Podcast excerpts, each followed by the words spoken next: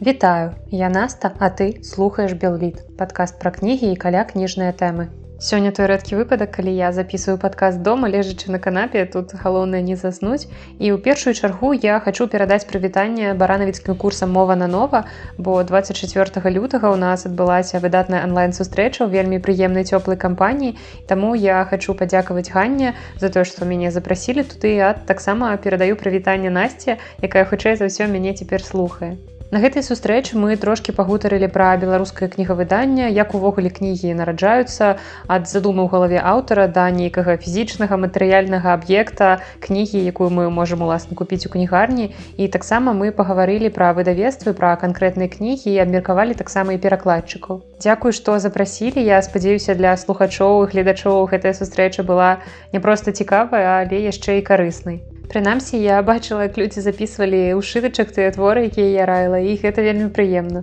А яшчэ 10 сакавіка ў мяне былі такія брэсцкія гастролі па запрашэнні агенства рэгіянальнага развіцця дзедзіч і разам з вікай заснавальніцай брэскага кніжнага клуба мы пагаварылі пра кнігі. І вы нават можете паглядзець запіс прамога эфіру, Ён будзе па спасылцы, я яе пакіну ў апісанні да выпуску.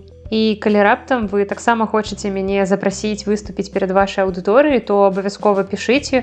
У апісанні да выпуску ёсць спасылка на мой тэлеграм-канал, там пазначаная кантактная інфармацыя, па якой са мной можна звязацца. Я з радасцю адгукаюся на ўсе цікавыя прапановы і ніколі не супраць таго, каб пагаварыць пра літаратуру, калі гэта паспрыяе яе развіццю. І яшчэ адна падзяка ляціць да маіх патронаў на сайце patreon.com і дзякую усім, хто ўжо далучыўся да патрыона і для астатніх жадаючых спасылка на гэты і таксама іншыя спосабы падтрымкі гэтага падкаста і іншых маіх праектаў таксама вы знойдзеце яе ў апісанні.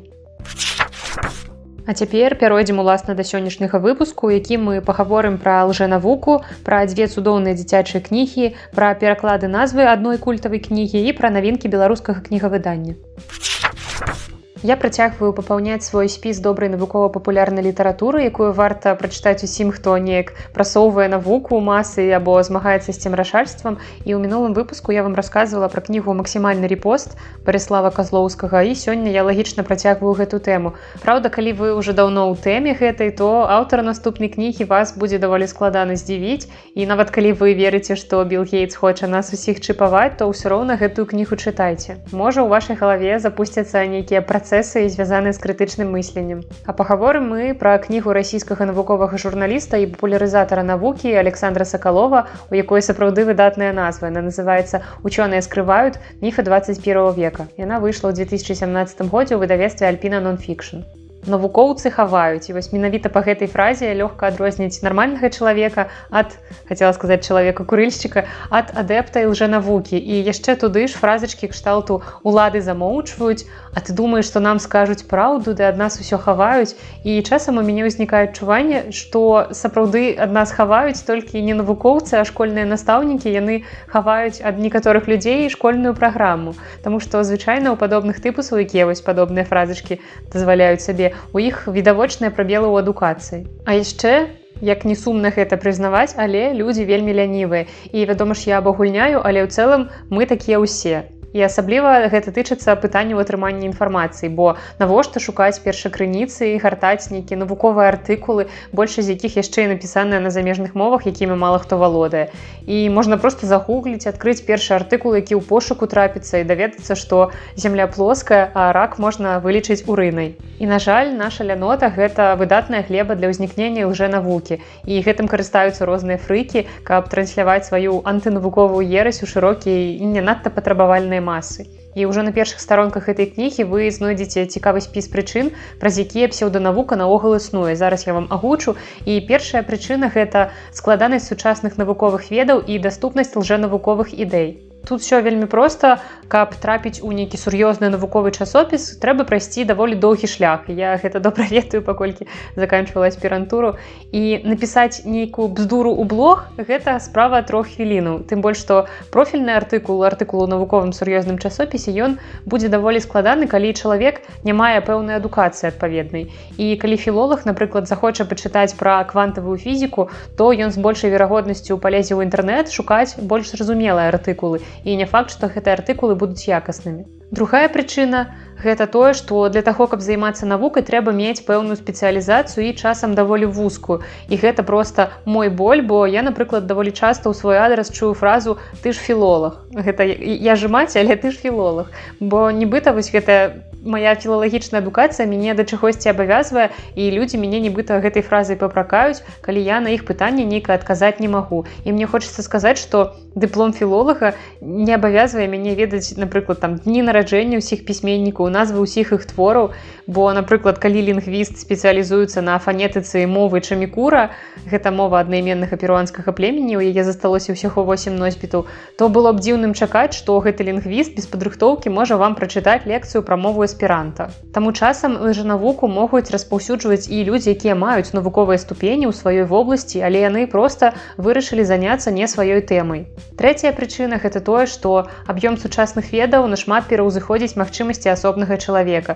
І гэта такая сумная рэч, што так шмат кніг так мала часу, вось тое ж самае з навуковымі ведамі навуковых ведаў так шмат, а часу на тое, каб даведацца пра ўсё у нас вельмі мала. І просто немагчыма ўсё гэта ведаць, сачыць за ўсімі фактамі, што ў ваш мозг трапляюць, бо вы можете чытаць розную інфармацыю. І таму замест таго, каб у чымсьці разбірацца, мы лепш звернемся да спецыялістаў. І напрыклад, калі вы не любіце гатаваць калі вы не ўмееце гатаваць то вы пойдзеце ў рэстаран ці ў кулінарыю бо там працуюць прафесіянальныя кухары яны зробяць усё гэта хутка і смачна але тут застаецца таксама такая магчымасць што ў такой сітуацыі мы можам патрапіць да чалавека які толькі падаецца спецыялістам выдае сябе за спецыяліста. Чацвёртая прычына гэта тое што ўзровень адукацыі у краіне упаў. І тут аўтар піша пра рассію але я думаю што такая ж сітуацыя назіраецца ў нас беларусі ва ўкраіне бо людзям не хапае ведаў яны абсалютна не ўмеюць іх здабываць у іх адсутнічаюць навыкі мыслення і гэта ўсё толькі спрашчае іх жывучоным задачу. І апошняя пятая прычына прычынах это тое што сродкі масавай камунікацыі інфармацыі вельмі актыўна развіваюцца бо у актывістаў і лжанавукі абсалютна больш ніякіх абмежаванняў. Калі раней гэта можна было толькі ў часопісе напрыклад надрукавацца каб нейкія свае ідэі прасунуць і гэта сапраўды быў даволі складаны шлях. Але цяпер гэтыя навукоўцы могуць псеўданавукоўцы скажем так яны могуць несці свае ідэі праз вялікую колькасць каналаў збіраць мільённыя аўдыторыі даверлівых гледачоў слухачоў чытачоў абсалютна розныя крыніцы інфармацыі інфармацыі можна весці блог дзе-небудзь на якой-небудзь старонцы можна весці YouTube можна записывать падкаст і праз усё гэта праз усе гэтай крыніцы вяшчаць свае супернавуковыя ідэі Таму заўсёды правярайце інфармацыю якая да вас трапляе і не будьце надта даверлівымі але ёсць у гэтай кнігі і мінус яна магчыма занадта сухая бо мае шмат табліц графіку і непадрыхтаваных і чытача які толькі неяк спрабуе ўліцца ў гэтую тэму то такое можа трохі напужаць але ў цэлым гэта ў прынцыпе нядрэнная інструкцыя па распазнанні лжэнавукі і яе распаўсюднікаў Для беларускіх чытачоў цяпер даступная яшчэ адна дзіцячая кніга нарвежскага пісьменніка стэна холе, якая называецца небаганны. Яе пераклала Юля Тимофеева і кніга выйшла ў выдавецтве коска ў 2020 годзе. І калі вы чыталі ягоную папярэднюю кнігу лета гармана, якая таксама выходзіла па-беларуску ў выдавецтве Нушкевіч, то ў гэтай кнізе вы ўжо сустрэнеце стыль ілюстрацыі, які вам будзе знаёмы абсалютна. Праўда, гісторыя гармана мне падалася, больш зразумелай для дзяцей больш рэалістычнай чым гісторыя ганны бо ў гэтай гісторыі чытачоў чакае поўны сюррэалізм прычым у добрым сэнсе гэтага слова ты нібыта гартаеш альбом з ілюстрацыямі сальвадора далі. І гэта гісторыя дзяўчынкі у якой памерла маці І як мы звычайна кажам дзецям, што нехта памірае, мы звычайна выкарыстоўваем метафору распаўсюджаную метафору палёту на неба. І цяпер Ганна разам з бацькам спрабуе ўявіць, як там на гэтым небе ў новым месцы жыхарства матулі. І яны вядуць вельмі абстрактныя мудрагелістыя размовы пра жыццё, пра смерць, пра Бога і вельмі цікава глядзець на канцэпцыю неба таго як там усё ўладкавана вачыма дзіцяці вачыма гэтай дзяўчынкі ганны і яе бязладныя хаатычныя думкі яны нараджаюць такія ж хаатычныя ілюстрацыі І там, дарэчы, у кнізе наўпрост не гаворыцца, але ў мяне ўзнікла такое ўражанне, што Ганна і бацька акурат збіраюцца на пахаванне маці. Гэта падобнае па іх касцюмах, бо бацька там у чорным касцюме здаецца. І бацька яе пастаянна прыспешвае, ён падкрэслівае, што яны могуць спазніцца. І дарэчы, у самім тэксце кнігі ўвогуле пра смерць няма ні слова, там нічога пра гэта не гаворыцца. Праўда, я магу з цяжкасці ўявіць, як бацькі гэтую кнігу даюць дзецям з мэтай суцяшэння. Ну можа, я праўда недаацэньваю разумовыя здольнасці дзяцей, але мне мне падаецца што дзецям будзе ну трохі цяжкавата зразумець сэнс таго што ў гэтай кнізе адбываецца і тут спатрэбіцца дадатковае тлумачэнне з боку бацькоў але тады гэта атрымліваецца што добры варыянт для сямейнага чытання і гэта сапраўды вельмі прыгожая кранальная кніга Наступная дзіцячая кніга, якую я вам горача рэкамендую, гэта сподачак для смока беларускай аўтаркі надзеі ясмінскай. Кніга выйшла ў 2020 годзе ў выдавестве кнігазбор. Я думаю, калі зладзіць сярод дзяцей апытанку наконт іх страхаў, у лідары з вялікім адрывам можа вырвацца страх таго, што пад тваім ложкам нехта жыве. І нават не нехта, бо гэта ж не можа быць нейкая добрая істота, бо пад ложкам можа жыць толькі вялікая страшная пачвара, якая толькі чакае, каб цябе з'есці. Гэта такі сапраўдны закон. А калі вам раптам пашанцавалы под вашим ложкам хаваецца нехта ну зусім не страшны, то тут галоўнае знайсці належны падыход, каб з ім пасябраваць. І хлопчык Юзік ведае, што под ягоным ложкам дакладна нехта хаваецца, але ён не ведае, што з гэтым рабіць, што трэба ці чакаць, калі пачвара нападзець, яму першаму трэба нейкіх спецыялістаў на яе нацкаваць, бо ў школе ну не вучаць як бы што рабіць да каго звяртацца, калі ты сутыкнуўся з такой праблемай. І таксама з бацькоў так сабе памочнікі ў гэтай сітуацыі. І таму у хлопчык вырашае зрабіць сам першы крок ён частуе пачварку малаком. І гэты крок становіцца пачаткам вялікага сяброўства.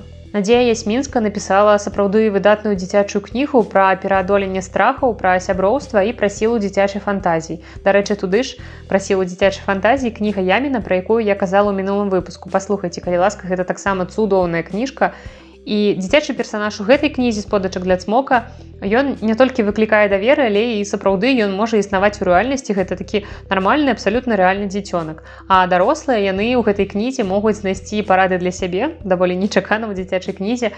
Бо як вы ставіцеся да нейкіх праблем то так яно ўсё і будзе. Калі вы неяк адразу ўсё негатыўна ўспрымаеце вы пачынаеце панікаваць крычаць енчыць што у вас нічога не атрымаецца то вы сто процентов у вас нічога і не атрымаецца тому что вы уже адразу настроілі сябе на нейкі негатыўны лад. І такім чынам той хто жыве под нашим ложкам сябар ці вораг гэта залежыць толькі ад нас і таксама цудоўныя ілюстрацыі ў гэтай кнізе іх зрабіла Святлана мехалапы і гэтая кніга дакладна стане ўпрыгожваннем любой бібліятэкі да таго ж яна вельмі мілая прыемная Я думаю што яна з лёгкасцю стане любімую ваших дзяцей Холден Колфілд з рамана, які нам больш вядомы ў рускім перакладзе як над пропасцю варжы, Ён вельмі своечасова прыйшоў маё жыццё ў падлеткавыя гады і зрабіў гэты раман адным з любімых. шапку на лоб, лучшие годы топлю кніга сапраўды неверагодна папулярная яе сусветны наклад каля 65 мільёнаў асобнікаў і нават на рускую мову роман перакладаўся ажно тройчы прычым кожны пераклад мае сваю назву. Першы самы папулярны і вось звыкла нам гэта над пропасцю варжы і пераклад рыты райт кавалёвай таксама яшчэ адзін менш вядомы як мне здаецца дзіка няўдалы вы толькі паслухайце он называется абрыв на краю ржанова поля дзетства Сергея мохава. І дарэчы гэты пераклад не ухваліла і сама нора гальяна напісала сказала пра непрафесіяналізм аўтара гэтай спробы пра поўную яго глухату я гэты пераклад не чытала але ну мне ўжо і не хочется чытаць ад адной гэтай назвы.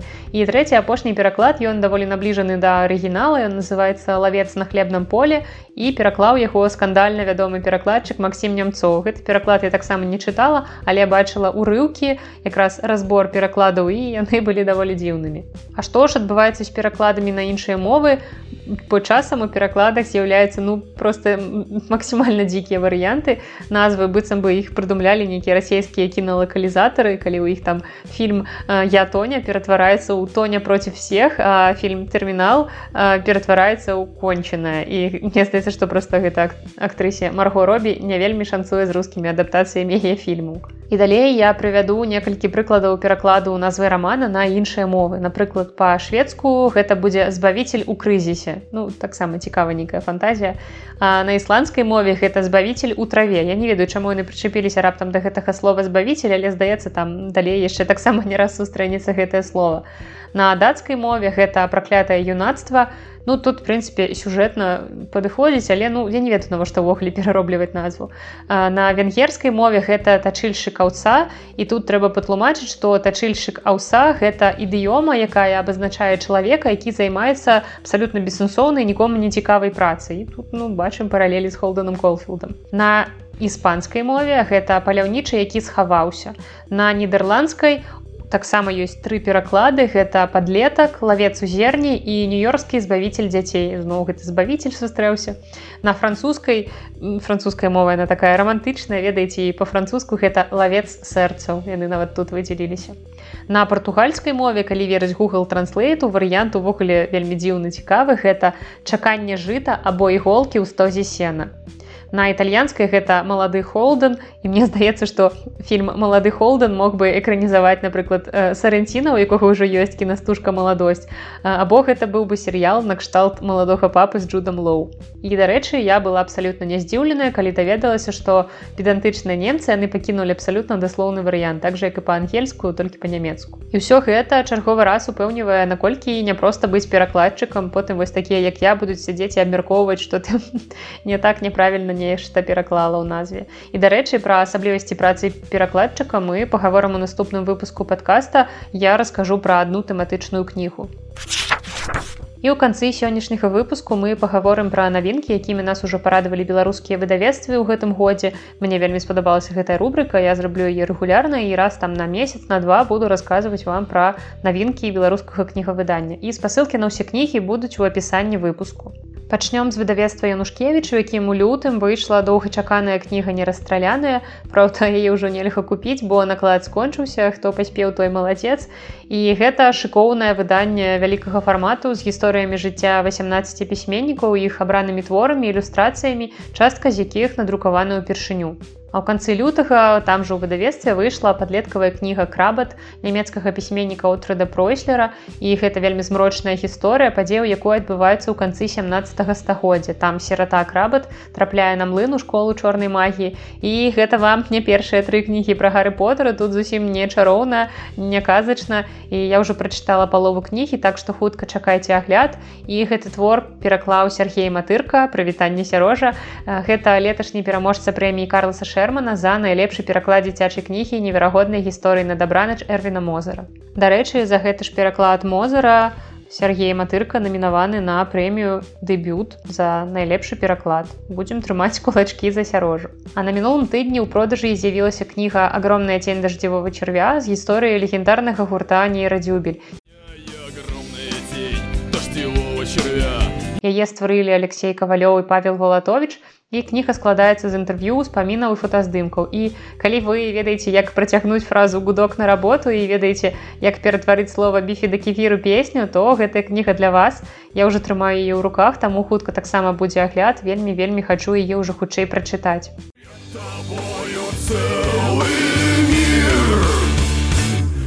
Да кефір Наступнае выдавецтва гэта лохвінаў там у лютым выйшла кніга аўташкола па-віленску нямецкага гісторыка і падарожніка Фелікса Акермана. Гэта аўтарскія замалёўкі пра нашу частку Еўропы, аўтару ёй пажыў, ён мае што нам расказаць і гэта таксама цікава, мне зацікавіла анатацыя, таксама думаю яе пачытаць. А пад новы год у тым жа выдавецтве Лохвінаў выйшаў паэтычны зборнік латвійскага рускамоўнага паэта Семёна Ханіна у перакладзе Андрэя Хаданович. Кніга называецца уключаючы рэшту.